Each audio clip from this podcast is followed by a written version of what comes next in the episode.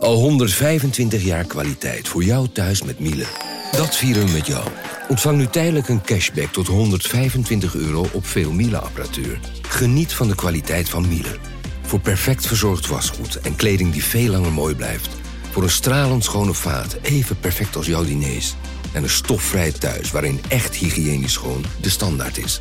Check miele.nl voor alle feestelijke aanbiedingen. Hey podcastluisteraar. Ook op zoek naar een relevante invulling van je schaarse luisteruren? Tune dan in op de podcastserie ESG, even samengevat van BNP Paribas.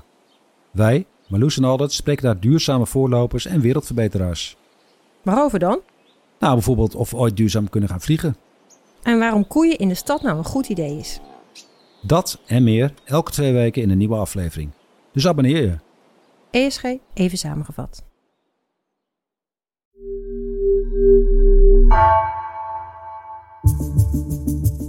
Vanaf de redactie van NRC het verhaal van vandaag.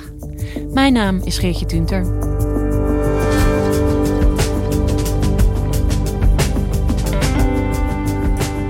Vandaag begint het MH17-proces en buigt de rechter zich over de vraag of vier mannen, drie Russen en een Oekraïner, verantwoordelijk zijn voor het neerhalen van het passagiersvliegtuig in 2014. Maar de belangrijkste vraag, waarom gebeurde dat, komt waarschijnlijk niet eens aan bod, ziet politiek redacteur en voormalig Rusland-correspondent Steven Deriks. Komt er gerechtigheid voor de nabestaanden?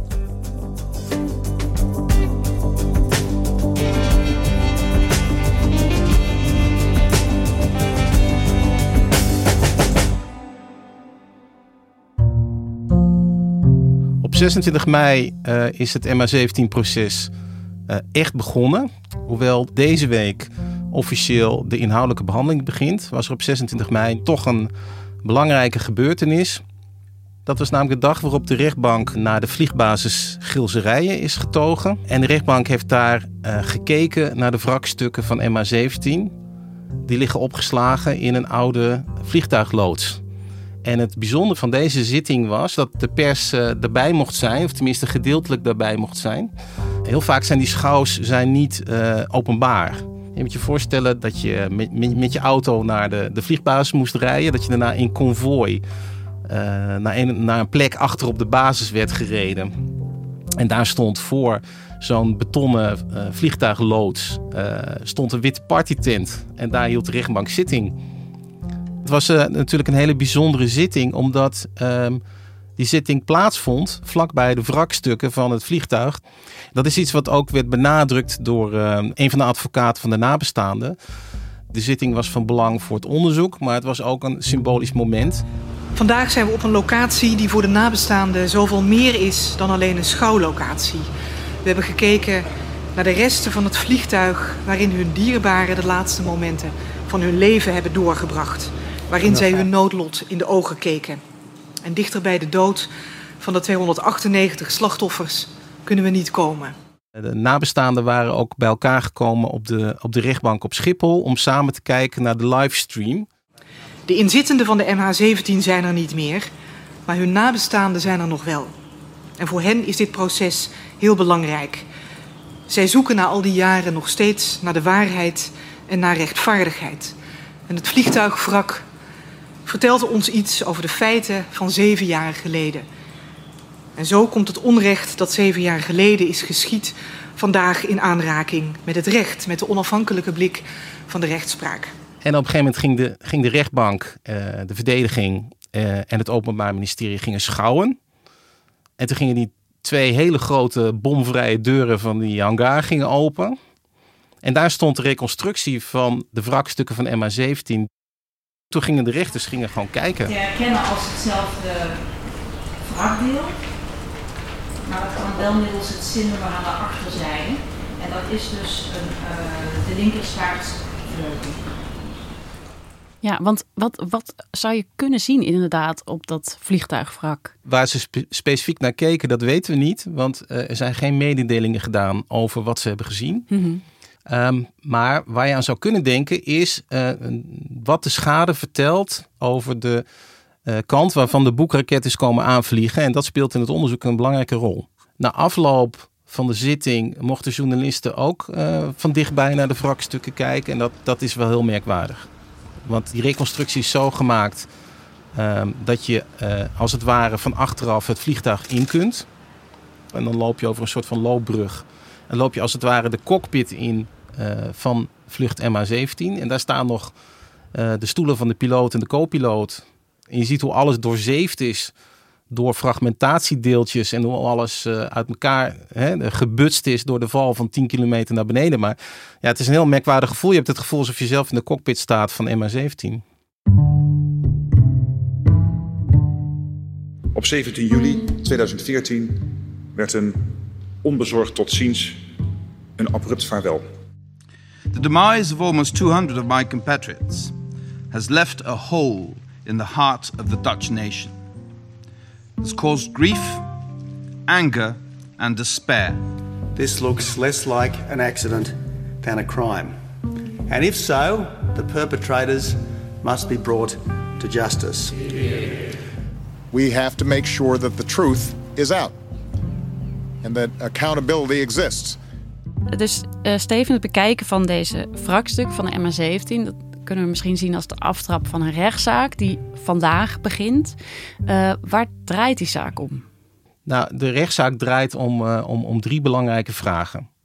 De eerste vraag is: um, is vlucht MH17, een Boeing 777 van Malaysia Airlines, is die neergeschoten met een boekraket? Mm -hmm. Dat is een luchtafweerraket van Russische makelij. De tweede vraag is: is die raket afgeschoten vanaf een landbouwveld bij het gehucht Pierwomaiske. Uh, dat ligt in het oosten van Oekraïne. De derde vraag is: zijn de vier verdachten die terechtstaan in deze zaak betrokken geweest bij het uh, binnenhalen van dit Russische wapensysteem en het afvuren daarvan? We hebben al heel veel gesteggel gezien hè, over deze zaak. Uh, uh, Rusland had een andere lezing dan uh, Nederland, of het onderzoeksteam waar Nederland in zat. Um, wat weten we inmiddels nou ja, vrij zeker? Nou, we weten eigenlijk al heel veel. Het strafrechtelijk onderzoek is natuurlijk heel snel gestart. Maar er is naast het strafrechtelijk onderzoek ook een onderzoek geweest voor de Onderzoeksraad voor Veiligheid. En in, eh, eh, in 2015 heeft de OVV ook een, eh, een, een vrij uitgebreid rapport gepubliceerd over hoe de ramp kon gebeuren. De conclusie was dat vlucht MH17 is neergehaald door een Russische boekraket vanaf een landbouwveld bij Pervomaiske. En dat gebied was op dat moment in handen van de separatisten. De bevindingen zijn overtuigend en ondersteunen elkaar op basis van meerdere bronnen. We hebben daarom goed onderbouwde conclusies kunnen trekken over de vlucht en de toedacht van de crash. De argumenten in het rapport leiden naar ons oordeel overtuigend tot de conclusies die wij hebben gepresenteerd. Rusland heeft vanaf het begin af aan uh, allerlei uh, verschillende versies de wereld in gepompt over wat er gebeurd zou kunnen zijn. Vlak na de ramp hebben ze bijvoorbeeld gesuggereerd dat er uh, Oekraïnse gevechtsvliegtuigen in de lucht waren op het moment dat MH17 neerstortte. Dus de, de, de, de suggestie was, de Oekraïnse luchtmacht heeft uh, MH17 neergeschoten. Een andere versie die Rusland uh, de wereld in heeft geholpen is dat MH17 wel door een boekraket is neergeschoten, maar niet vanaf dat landbouwveld bij Pierre maar vanaf een andere locatie. Mm -hmm. Ook een heel klein onbeduidend gehucht. Uh, dat heet uh, Zaroshenske. En uh, volgens Rusland was die plaats op dat moment, op die dag, 17 juli 2014, in handen van het Oekraïnse leger. En dat is dus heel belangrijk. Die versie is vervolgens um, van argumenten voorzien door het bedrijf dat die boekraketten maakt. Deze defensiefirma, deze boekproducent Almas Ante, die is echt zeer ver gegaan om deze versie op te tuigen.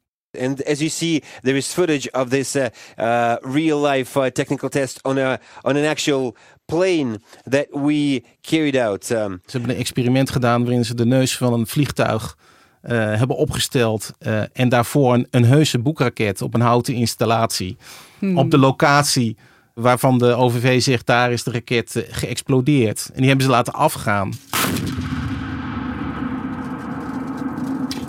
Through this test our experts came to conclude that uh, the hypothesis of uh, a missile hitting the plane headlong was uh, uh not credible, was uh, not reliable.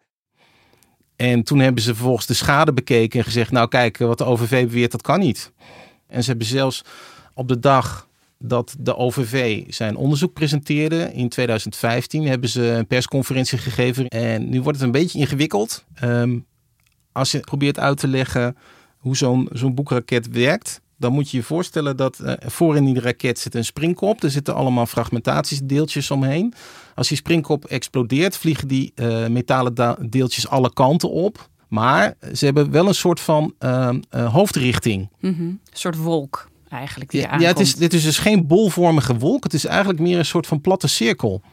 Okay. die haak staat op de raket. Mhm. Mm -hmm. En je moet je eigenlijk voorstellen dat die deeltjes, die platte cirkel van deeltjes, die doorsnijdt als het ware het vliegtuig.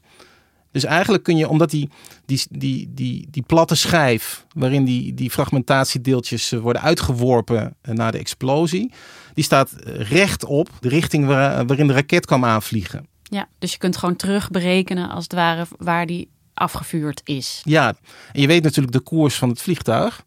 Dus als je dat allemaal bij elkaar optelt, kun je zeggen: oké, okay, de raket kwam uit deze richting aanvliegen.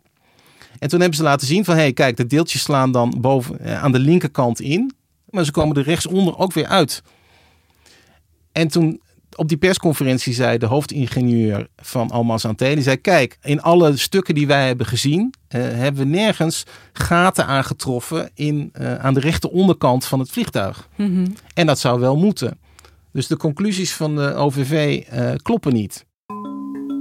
En hoe overtuigend is dat? Nou ja, wat buitengewoon interessant is, is dat uh, ik kijk altijd naar um, video's op YouTube van een uh, onafhankelijke Russische luchtvaartspecialist. In zijn vroege leven was hij uh, luchtvaartingenieur. werkte voor de Russische defensieindustrie en was zelfs gespecialiseerd in vliegtuigen uit de lucht schieten. Dus daar weet hij alles van. Mm -hmm. En hij heeft meteen naar die schouw een hele interessante video opgenomen en heeft gezegd: Kijk, er moet dus aan de rechter onderkant moeten de gaten zitten in het vliegtuig. Это как раз нижний правый борт самолета. Они смотрят именно на выходные обломки. Это отверстия, у которых края загнуты. En als je nou nog eens een keertje terugkijkt, dan zie je dus dat uh, zowel de rechters als uh, het Openbaar Ministerie veel tijd besteden aan de, aan, aan de rechterkant, de rechteronderkant van de neus van het toestel. Mm -hmm. En je ziet ze dan ook wijzen van hé, hey, hier zitten toch wel gaten in. Nou ja, dat is dus vraag 2, hè, van uh, waar, uh, waar kwam die raket eigenlijk vandaan? Um, zoals we dat nu bespreken, lijkt dat eigenlijk nou, toch wel heel, vrij duidelijk. Dan is er nog een belangrijke vraag, vraag 3. Wie heeft dat gedaan? Zijn dat deze vier verdachten?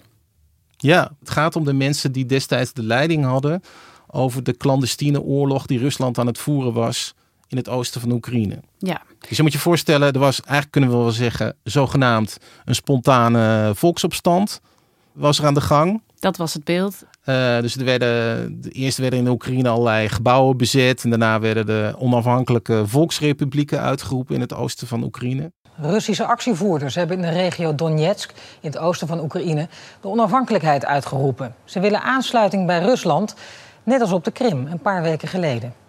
Wie deze mannen precies zijn en wie ze vertegenwoordigen is niet duidelijk. Maar alle in de zaal zijn voor een verdere opdeling van Oekraïne met hulp van Rusland.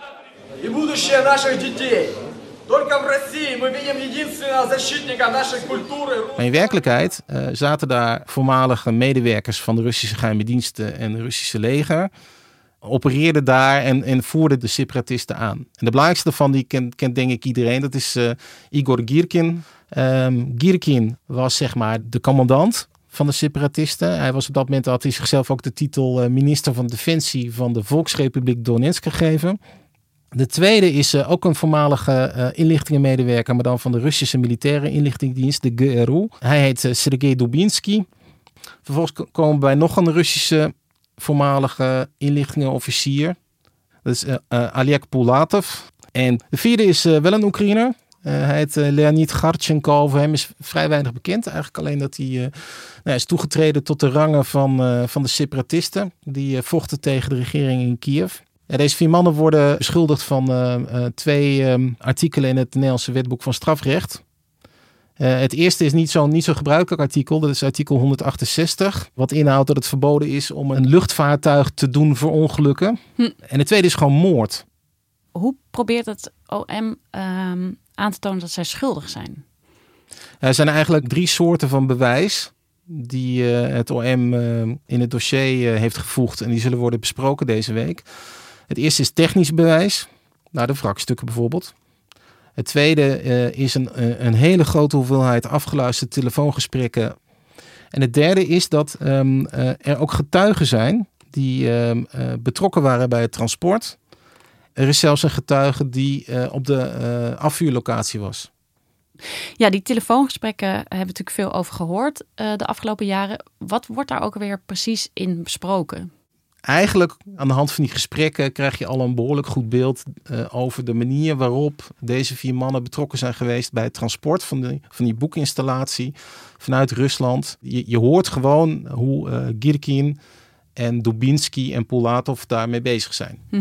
Слушай меня, сейчас тебе крот притянет бук М. Алло. Aha, daar poño. Vervolgens zijn er ook gesprekken over de, de nasleep van de ramp. Dus je hoort die mannen met elkaar praten over dat ze iets hebben neergeschoten. Mhm. En afhankelijk hebben ze niet eens precies door dat, uh, dat ze een noodlottige vergissing hebben begaan. En denken ze nog dat ze een, uh, een Oekraïns gevechtsvliegtuig hebben neergehaald. En daarna dan zie je dat uh, het bewijs zo moet worden weggemoffeld.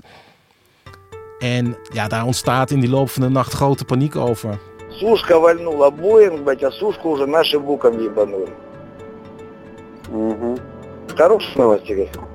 Ну, не знаю, я что-то, честно говоря, не очень в это верю, но... Так все равно на нас свалит, что мы завалили, понимаешь? Ja, понятно. Onlangs nog heeft um, programma Nieuwsuur heeft een uh, aantal nieuwe gesprekken laten horen. En daar zat ook nog iets bij wat we nog niet eerder hadden gehoord. En dan hoor je dat uh, uh, Girkin belt met uh, Dubinski en ze zijn de boek kwijt. Maar dan beginnen ze ook klassieke Russische scheldwoorden te gebruiken. En dat is, uh, ja, ze zijn, ja, ze zijn helemaal, helemaal, helemaal door het dolle heen. Я должен Или знать. Мне, это мне самому, значит, надо было поехать лично туда на машине, это, да? Это я забрал БТР у моих людей. Het is natuurlijk een beetje gissen, maar wat kan de verdediging van deze vier verdachten daar nou nog tegen inbrengen?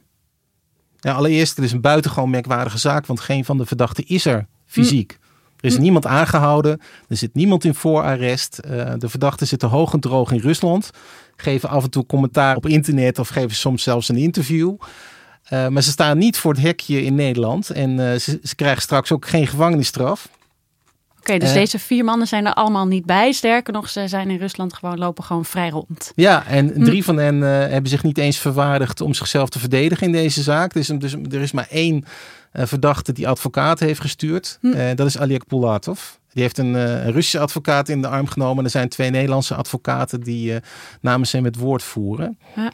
Uh, dat is maar goed ook, want anders hadden we helemaal geen proces gehad. Kijk, wat daar uh, nog een interessante rol in speelt, is dat deze verdachten zelf in interviews die ze hebben gegeven, hebben gezegd van ja, wij, wij, wij zijn Russische officieren en wij voerden daar een militaire operatie uit. Maar het punt is nou juist, er was geen officieel conflict. Er is nooit een oorlogsverklaring van Rusland uitgegaan naar Oekraïne. Deze mensen waren hier volkomen illegaal. Dus als zij mensen doodmaken, is het gewoon moord. Ze hadden de bedoeling om een vliegtuig uit de lucht te halen. Waarschijnlijk hadden ze niet de bedoeling om een passagiersvliegtuig neer te schieten, maar dat ze mensen gingen doodmaken, dat is duidelijk. Ja, maar wat gebeurt er eigenlijk als deze mannen veroordeeld worden? Ja, het vervelende antwoord is: er gebeurt er niets. Maar hoe, hoe kan dat dan? Nou, dat komt omdat Rusland uh, uh, in principe geen uh, verdachten uitlevert aan andere landen.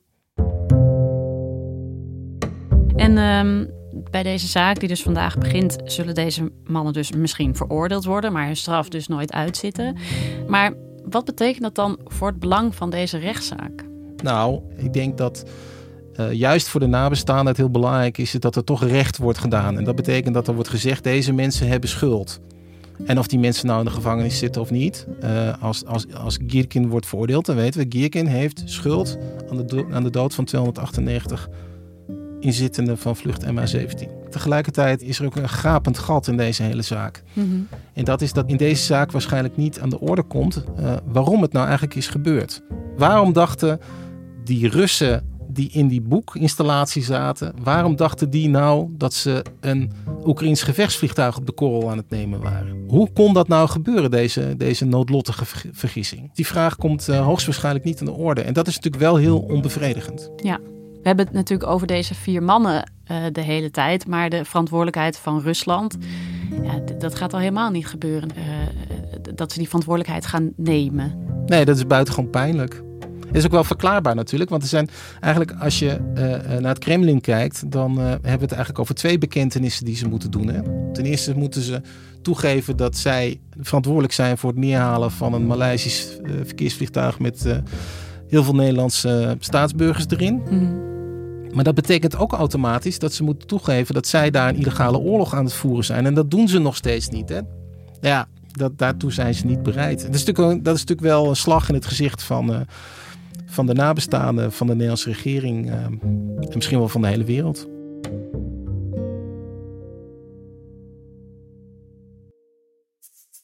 Dankjewel, Steven. Graag gedaan. Je luisterde naar Vandaag, een podcast van NRC. Eén verhaal elke dag. Deze aflevering werd gemaakt door Felicia Albeding, Julia Vier en Jeroen Jaspers. Dit was vandaag, morgen weer.